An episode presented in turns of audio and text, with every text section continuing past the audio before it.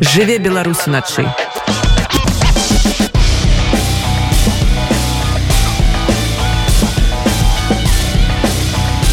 Беларускія ноцы. Вынікі цэнтралізаванага экзамену праверыць міжведамасная камісія. Пра гэта ўвечары паведаміў міністр адукацыі Андрей іванец. Чыноўнік распавёў што ў яе склад увайшлі матэматыкі інфарматыкі статысты да іншыя спецыялісты. Скандал выбухнуў у панядзелак калі 11 класнікі атрымалі вынікі цэнтралізаванага экзамену па беларускай і рускай мовах. Выпускнікі і іх бацькі сцвярджаюць што сістэма падліку балаў дала відавочныя збоі. Ёсць школьнікі якія атрымалі 103 балы са 100 магчымых а ёсць і тыя у каго набралося десятая тысячная бала міністр адукацыі адразу ж назвал такія выказванні фейкамі і прыгразіў расправай тым хто іх распаўсюджвае але на наступны дзень сістэму падліку балаў раскрытыкаваў александр лукашенко і мінадукацыі тэрмінова сабраў групу экспертаў якія абяцаюць зрабіць вынікі c максімальна празрыстымі про тое навошта у беларусі увогуле уводзілі цэнтралізаваны экзамен чаму мінадукацыі не гатова прызнаваць свае памылкі? Ці сапраўды новая сістэма ўступных іспытаў лепшая за папярэднія? Паразмаўляем з госцей рады унет былой настаўніцай а цяпер рэпетытаркай ганнай саламонавай. Спадарня Ганна добрая вам ночы доброй ночи. Як бачым галоўнай тэмай сённяшняга дня стал скандал з падлікам балаў на це вось як вы на яго адрэагавалі і ці былі нейкія перадумовы што нововвядзенне мінадукацыі выкліша менавіта такі резонанс нет никаких вообще предпосылок не было. Мало того с результатов э, третьего этапа репетиционного тестирования который проходил буквально накануне СЭ а нас всех уверяли, что никаких изменений не будет. И мы спокойно готовили ребят. Э, как обычно все это происходило. Сама система подсчетов не должна была поменяться и не менялась. Поэтому, как только мы увидели результаты, мы сначала все, э, наше сообщество репетиторское, дети, родители, мы решили, что, скорее всего, это технический сбой, потому что э, просто не перевели тестовый балл, первичный балл в тестовый. Ну, у нас есть таблица, которая действует уже несколько лет. Мы сами проверяли, и я писала ребятам, какой в итоге у них результат. Но потом поднялась шумиха, и оказалось, что нет, нет, ничего пересчитываться не будет. И до вчерашнего вечера не было понятно вообще ничего. Никто ничего не знал, будут пересчитываться, не будут. Э, были звонки в РИКС, были звонки в Министерство образования, но внятного ответа нам никто не давал. Але як так могло атрымацца, что стало все вядома в апошні момент? Еще ж ничего не известно, в том-то и дело. И почему такое произошло, здесь вопросов больше, чем ответов. Почему нам не сказали о том, что как-то поменяется система накануне? Или не надо накануне, нужно было об этом думать в сентябре еще или даже раньше. О том, что будет введен централизованный экзамен, мы знали давно. Такие разговоры ходили с 2019 года, если я не ошибаюсь. Но потом из-за ковида э, перенеслись э, все эти изменения. И вот сейчас мы это увидели все на практике. Но то есть, если посчитать, то суммарно у Министерства образования было, наверное, года три. Ну ладно, два. Но это большой срок для того, чтобы сделать все э, идеально прозрачным. Але чаму тады чыноўнікі за гэты час не смаглі зрабіць рэальна празрыстую сістэму падліку балаў? Вось вы напрыклад яе цалкам разумець таму што для тых хто не ў сістэме адукацыі вось гэтай першасныя адзнакі нейкія тэставыя адзнакі выглядае даволі складана. Я попробую объяснить проще. Каждый, допустим, если мы берем белорусский или русский язык, то у нас э, каждое задание, а их 40, оценивается в 2 балла. Ребенок, решив все правильно, получает 80 первичных баллов. По таблице перевода это 100 баллов, которые ему э, будут внесены в сертификат. Если ребенок совершает одну ошибку, соответственно, тестовый балл становится 78, и в переводе раньше это было, например, 98 баллов. И вот таким вот образом происходит как будто бы перевод такой. Ничего не поменялось, ничего не менялось, кроме того, что э, в последние годы стали считать как-то по-особенному. Это сложная очень система, но, например, если, допустим, задание номер 10 а, решило минимальное количество детей, то оно считается очень дорогим по весу. И за него, например, начислялись не 2 балла, а как-то там больше. И поэтому система эта сложная, и так объяснить ее, наверное, невозможно в двух словах. Но сейчас мы увидели какую картину. Если раньше 60 баллов — это решение большей половины теста, если, допустим, 40 заданий, о, да, 40 заданий и 80 первичных баллов, ребенок решил 60, эм, ребенок набирает 60 первичных баллов, то это же большая половина тестов, даже в процентном соотношении. А если мы их переведем в 100-бальную систему, то это получится абы что. Ну, то есть, э, как такое может быть технически? Вот сейчас это непонятно. Но они нашли этому объяснение. Объяснение, конечно, не поддается никакой логике, но оно звучит так. В связи с тем, что по словам э, министра Иванца, значит, тест был легким. Тест был легким, поэтому решили таким образом э, наказать детей на минуточку, не составители теста, не тех людей, которые допустили такие задания. Хотя они не сказать, что они были легкими, они были просто посильными. Если ребенок готовился, то он был способен их решить. Ну просто да там же э, колькі человек набрали по 100 баллов там здаецца у 10 разоў больше чем у мінулым годзе 482 балла да 482 э, ребенка да да это огромная цифра в прошлом году было 43 но Почему так получилось, тоже можно объяснить.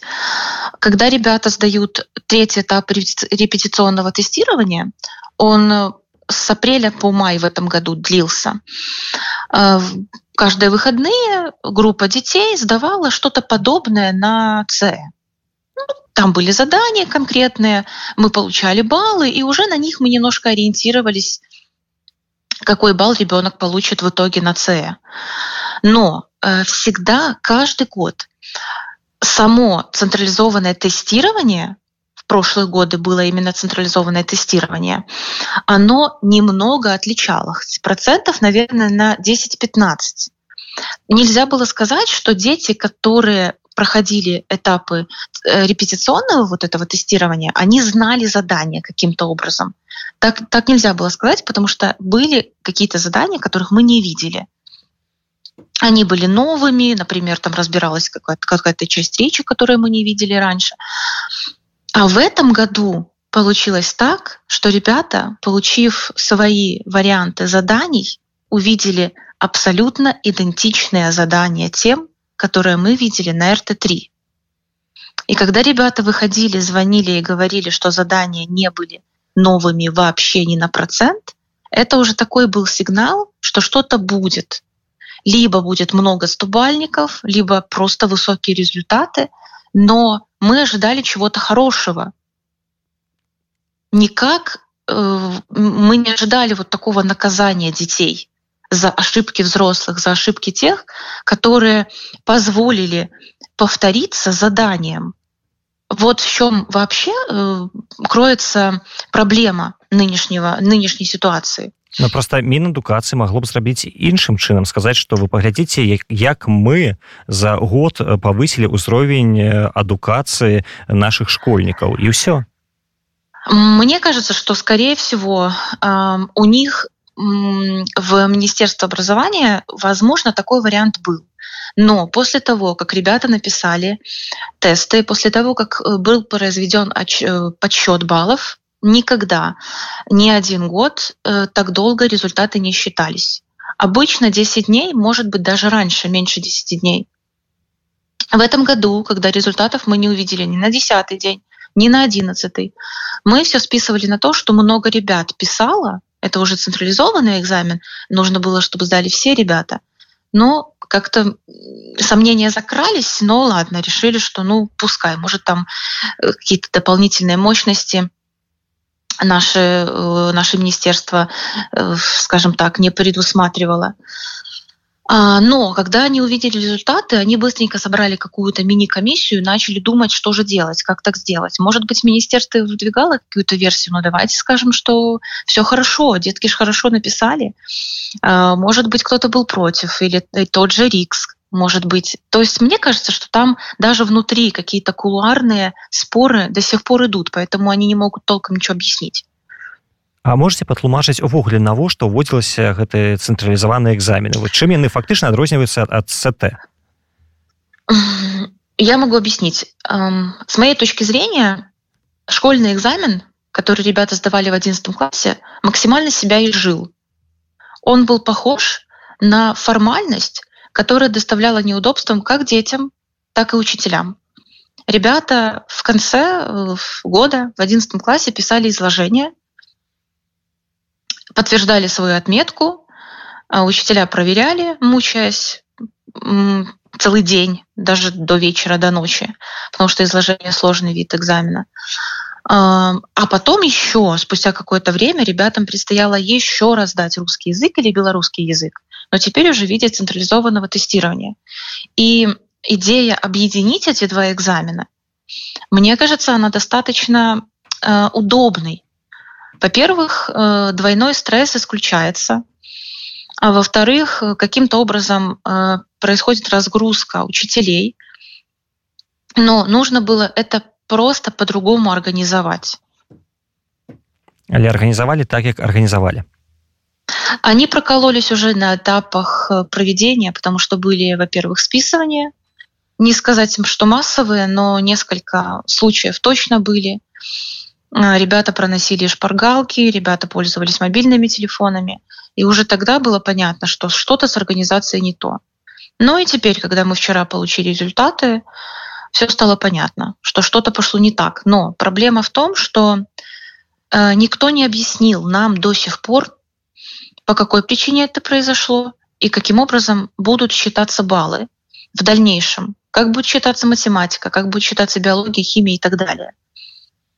Ну глядзіце ёсць верагоднасць што вось гэтыя балы іх все ж таки нейкім чынам пералічыць тому что той же лукашенко пачаў крытыкаваць гэтую сістэму казаць што ён вось вучыўся по пяцібальнай сістэме все было добра а вы тут напрыдумлялі невядома чаго яшчэ кампутер какие-то подключылі вось пасля таких заяваў ёсць верагоднасць что могуць все ж таки гэтую сітуацыю вярнуць назад і неяк все пералічыць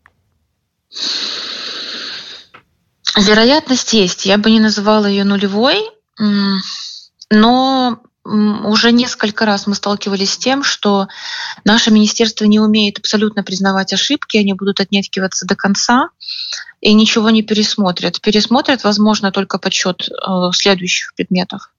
Але ж там сабралі цэлую камісію з матэматыкаў інфарматыкаў іванец сказаў што все гэтыя лепшыя людзі якіх можна было знайсці мы зараз все вырашым У меня тогда вопрос к Иванцу, где он был раньше, почему э, позволил над нашими детьми так поиздеваться, а теперь они будут собирать комиссию? И каким образом теперь будут эти пересчеты происходить? Это все технически сложно. Но на самом деле, если бы, если сейчас родители смогут э, завалить их жалобами, атаковать этот РИКС, то, возможно, под давлением что-то и будет. Але я так разумею что ўсё у руках у бацькоў і дзяцей. Сегодня да. Калі казаць агулам пра тэставанне наколькі гэта аб'ектыўная ацэнка ведаў? С моей точки зрения аб'ектыўная. Вам падаецца что гэта лепш чым звычайныя іспыты? Да да. Тут я не могу судить все все школы но а, в моей школе эти экзамены были похожи на ну, какую-то сущую формальность. Ребята приходили, писали, и им в итоге ставили те отметки, которые у них в четверти в году стоят за год. Поэтому зачем этот стресс? И детей не переубедишь, ты не объяснишь, что это ваши учителя, что вам тут никто плохого ничего не сделает. Все равно для них это стресс. Экзамен, само слово экзамен у ребят вызывает у кого-то больше, у кого-то меньше стресс. Поэтому вот эти школьные экзамены, их давным-давно нужно было что-то с ними сделать, чтобы они ну, не то чтобы перестали существовать, но нужно уже просто менять формат. Изменились дети, э, изменилась жизнь, а экзамены, как в советское время были, такими они оставались. Ну бачце ў савецкія часы там была як кажуць празрыстая сістэма нічога не ведаеш два трошки ведаеш тры добра ведаеш чатыры і выдатна 5 вот на вашу думку якая сістэма ацэнкі ведаў яна лепшая пяцібальная десятибальная можа стабальная эм, я застала и ту и ту систему когда училась еще пятибальная система была у нас, наверное, класса девятого. Но мне, как учителю, больше нравится работать с десятибальной системой. Потому что все-таки пять э, бывает разное. Пять это просто выполненная работа хорошо, ну идеально, без ошибок. И пять это талантливый ребенок, одаренный. Вот как его выделить? Каким образом? Сейчас э, для, скажем так, для поощрения детей талантливых, действительно, которые стараются и э, все 11 лет э, пашут на свой аттестат, назовем это так, у них 10. Поэтому я за десятибальную систему. А вы теперь рыхтуете детей на ЦЭ? Да, конечно. У меня в этом году больше 25 учеников, выпускников. і якія вынікі у ваших дзяцей і як яны ввогуле адрэагавалі на вось такі непразрысты падлік балаў сначала шок потом надежда а потом вот какая-то неизвестность. И мы в этой неизвестности уже второй день. Дети немного смирились. Не смирились э, педагоги. Я надеюсь не смирились родители. У меня есть тубальники и радость за них она такая немножко с припорошена такой какой-то горечью. Я не могу 100, полноценно порадоваться за этих ребят, которые справились на 100 баллов, потому что ребята, которые допустили одни, одну ошибку и должны были получить 98, у них 86. Как такое может быть, как такое возможно, непонятно. Или, например, когда ребенок совершает две незначительные ошибки. То есть он не просто неправильно выполняет, он частично правильно сделал. Например, не три варианта ответа выбрал, а два. А, и у них 75, например. Если сравнивать с результатами прошлого года, а не нужно забывать, что э, сертификаты 2022 года действительно и сейчас. Если в вузах будет конкурс, э, каким-то образом приравним к результатам этого года – то что мы так будем делать вот с этим? Непонятно. Когда ребята, которые закончили школу в прошлом году, принесут свои блестящие сертификаты, которые будут на порядок выше сегодняшних, что с этим делать? А калі казаць пра ўзровень э, тэставых пытанняў мінулага года і сёлетніх яны вельмі адрозніваюцца они отличаются но не сильно Э, сами тесты, самые, сами тестовые задания, это задания, которые, скажем так, посильны ребенку, который изучает русский язык, там, допустим, не так периодами, а просто учат, имеют твердую там девятку, даже восьмерку при небольшой помощи либо учителя на факультативах, либо репетитора э, получить те же 100 баллов можно, и это реально. И сами тесты не, совершенно не имеют никаких э, заданий олимпиадного уровня, например. И а, то, что говорит э, то, что говорят представители Министерства образования, э, о том, что убрали пятый уровень сложности. То есть несколько заданий, которые раньше считались самыми сложными, их вроде как убрали. Но это не совсем так. Их немножко переделали. И полностью эти темы не убирались. Как эту тему можно как, каким образом нужно эту тему можно удалить, если все это было в программе. Это технически, мне кажется, невозможно. Поэтому я не могу сказать, что тест был гораздо проще. Нет, нет, задания сами изменились, стало больше Б-часть, поменяли, ведь у нас было раньше э, Б-часть, есть А-часть, есть Б-часть. Б-часть, она считалась всегда сложнее, потому что там нужно прям вписать слова, или соответствие своей рукой, не просто крестики поставить, то в этом году, например, мы увидели 22 задания Б-части, то есть 22 раза ребенку надо было подумать и внести какое-то слово. То есть в этом плане даже усложнились. Поэтому утверждение, что тест был легким, это в корне неверно. Это перечеркивает всю работу ребят этого года. И это очень опасно так говорить. Это так само может демотивовать детей, правильно разумею? Так это так и произошло. Дети разбиты. Дети просто разбиты. Я э, ну, два дня э, на постоянном таком общении с детьми это стресс, это нервы, и это вот эта неустойчивая детская психика плюс переходный возраст. Детям крайне тяжело. Дети столкнулись впервые с такой вопиющей несправедливостью. Как им потом объяснять, что ну, что если не, не произойдет никакого пересчета, как объяснить то, что, ну да, вот так произошло. Ну, дети, давайте смиримся. Ну, в інтэрнэце на гэты конт ужо жартуюць што гэта першы раз калі падлеткі сутыкаюцца з сапраўдным дарослым жыццём і тым як яно будзе выглядаць для іх у будучым в беларусе да менавіта беларусі так к сожалению в беларуси да. Да дарэч калі казаць про Беларусь таксама хацеў з вами вось абмеркаваць сістэму так бы мовіць патрыятычнага выхавання дзяцей у нашай краіне. Вот літаральна днямі у касцяковішах на магілёўшыне там улады арганізавалі такую прапагандысцкую акцыю падчас якой школьнікі складалі клятву на вернасць айчыне. Там паўсотні хлопцаў дзяўчынак іх набіралі ў такі патрыятычны клуб зубар там апраналі адмысловую форму з чырвона-зеленай сімволікай прыводзілі да мемарыальных комплексаў і там быў натуральны натуральны праваслаўны святар і запрасілі з аднаго з вядомых прапагандыстаў марзалюка каб ён распавёў што насіць форму гэта сапраўдны гонар. Восьось на вашу думку навошта гэта робіцца ў сучаснай беларусі і да чаго можа прывесці? Гэта такая ідэалагізацыя нашай адукацыі? С 2020 года это постоянно происходит где-то больше где-то меньше. а, в прошлом году, например, э, известный Григорий Озаренок, одиозный, совершал турне по школам, выступал с лекциями для детей. А, я хочу сказать, что не стоит недооценивать э, молодежь белорусскую. И в этом пока наша надежда. Дети все понимают, дети все прекрасно умеют анализировать на сегодняшний день всю ситуацию, плюс еще если добавляется работа родителей в этом плане, то, скажем так, пока шансов у государства нет никаких.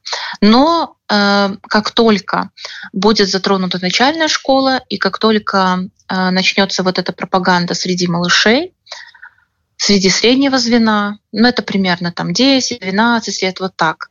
Тут, конечно, опасно. Опасно тем, что дети пока еще не сильно понимают, и если, например, учитель говорит одно, а родители другое, это, конечно, удар. Удар по психике, тогда ребенок не знает, кого слушать.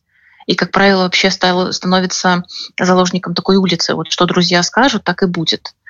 Поэтому пока скажем так, мне кажется, что в течение лет пяти, наверное, переживать не стоит, потому что та молодежь, которую мы имеем сейчас, она думающая, и все вот эти э, вступления в э, клубы, это же все делается для видео и для фото. Э, всех детей сфотографировали с кто там, Марзалюком, с флагами, и через пять минут ни флагов, ни Марзалюка нет. Ну, то есть фото сделали, и все разъехались. Поэтому пока я оптимистично на это смотрю. Ну, вось глядзіце калі ў дзяцей выклікаць дысананс што бацькі дома кажуць адно настаўнік у школе іншае зразумела але на сённяшні дзень ці мае педагог настаўнік такі аўтарытэт у вачах дзяцей як гэта было раней ці ўсё ж такі дзеці зараз больш аналізуюць і у іх ёсць пытанішкі не у всех учителей не у всех педагогов есть авторитет и профессия учителя в последние годы в Беларуси считается мало того, что не престижная, она считается, эм, ну, никак не считается, давайте так. Поэтому мало учителей, которые действительно имеют авторитет у детей. И вот таких учителей нужно бояться. Но сейчас дети другие, и если учитель просто заставляет, кричит, такой, знаете, советской закалки учитель, то дети его не примут никогда. Хуже, если учитель молодой, прогрессивный, но я батька. Вот это самая страшная смесь. И такие есть, к сожалению, даже в моем окружении такие были, но сейчас уже нет. Калі казаць пра агульны ўзровень адукацыі ў Беларусі як вы яго ацэньваеце ниже среднего на сегодня калі параўноўваць з там перыядам 5 гадоў таму 10 таму сітуацыя паляпшаецца пагаршаецца у чым прычына а за последние пять лет мы рухнули в пропасть а если мы стояли еще и смотрели в эту пропасть то за последние пять лет мы оказались внизу и к сожалению система образования пострадала больше всех как мне кажется и спасать ее будет гораздо сложнее, чем все остальные. Ну, мне так кажется, мне так видится на сегодня. А вы разумеете, каким чином ее можно будет выратовать? А, пока а, это создает такие мысли, скажем так, мысли есть, но на сегодняшний день это знаете, как мечты, наверное, больше. Вот что мы приедем в Новую Беларусь, и все будет по-другому. Это огромная работа. И она не будет делаться за год и за два, и за пять, может быть. Но тем не менее, если начать с маленьких шаг, шагов каких-то, то я немножко себе эту картину вижу. Я так разумею, што он і агулам на сітуацыі з нашай адукацыі адбілася тое, што пачалі зараз масава зачыняць прыватныя школы. а, частные школы давали такой задел государственным, и мы понимали, а, что у нас есть какая-то конкуренция. Сейчас этой конкуренции нет. А, мало того, очень сильно упал уровень педагогов молодых, их компетенции, их профессионализм, опять же, потому что никто не хочет работать в школе это ведь не престижно, это не оплачивается так, чтобы молодой педагог мог нормально жить. И все вот это в совокупности на сегодняшний день превратило в школу в такое место заключения для детей. Вот они туда идут с мыслями, что мне нужно мучиться 11 лет, потому что дети развиваются, а школа не развивается. И поэтому возникает такой диссонанс. Сейчас белорусское образование не соответствует детям. Дети прекрасные, дети умные, и они гораздо выше, скажем так, по уровню какого-то развития, чем э, педагоги, которые сейчас работают в школе. Ну калі казаць пра працу педагогаў у школе імвогуле хапае час на тое каб займацца непасрэдна сваёй педагагічнай дзейнасцю ну, то бок вучыць дзяцей не запаўняць журналы метадышкі пісаць планы і іншыя паперы если правильно расставлять приоритеты если э, уметь говорить нет например директору в каких-то ситуациях э, не бояться брать ответственность на себя я не хочу говорить что Э, учителя сейчас оказались заложниками системы. Ну, не знаю. Э, если, например, вам предлагают поехать на хоккей, э, повести детей, да, потому что нужно создать массовость, а у вас какой-то вебинар, который проводит какой-то не знаю, коллега, какой-то обещающий, нужно сказать нет хоккею и идти учиться, идти развиваться. Или в конце концов ввести вместо хоккея детей куда-то в другое место.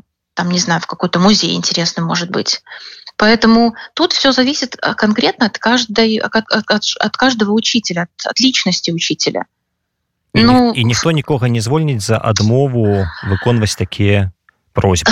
Сейчас мне трудно сказать, но до 2020 года я по такому принципу достаточно долго держалась в школе и при нескольких директорах. И как-то получалось.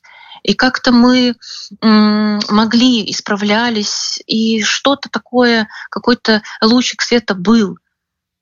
А, многое, конечно, изменилось после 2020 года, когда э, учителя позволили себе переступить через принципы, к сожалению, к сожалению.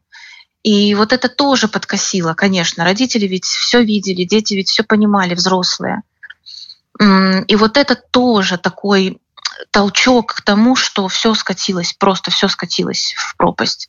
Я не думаю, что сейчас, если отказываться от участия в каких-то таких патриотических э, э, скажем, мероприятиях, что последует увольнение. Ну, во всяком случае, попытаться можно. И я бы пыталась. Ну, мне вот так видится сегодняшняя ситуация. Ганна я хочу вам падзякаваць за нашу сённяшнюю размову а таксама нагадаць э, нашим слухачам што сёння госці радыё унет была былая настаўніца цяпер рэпетытарка Ганна саламонова спадарня Ганна дзякуеш раз. Дякуй жыве беларусы начы.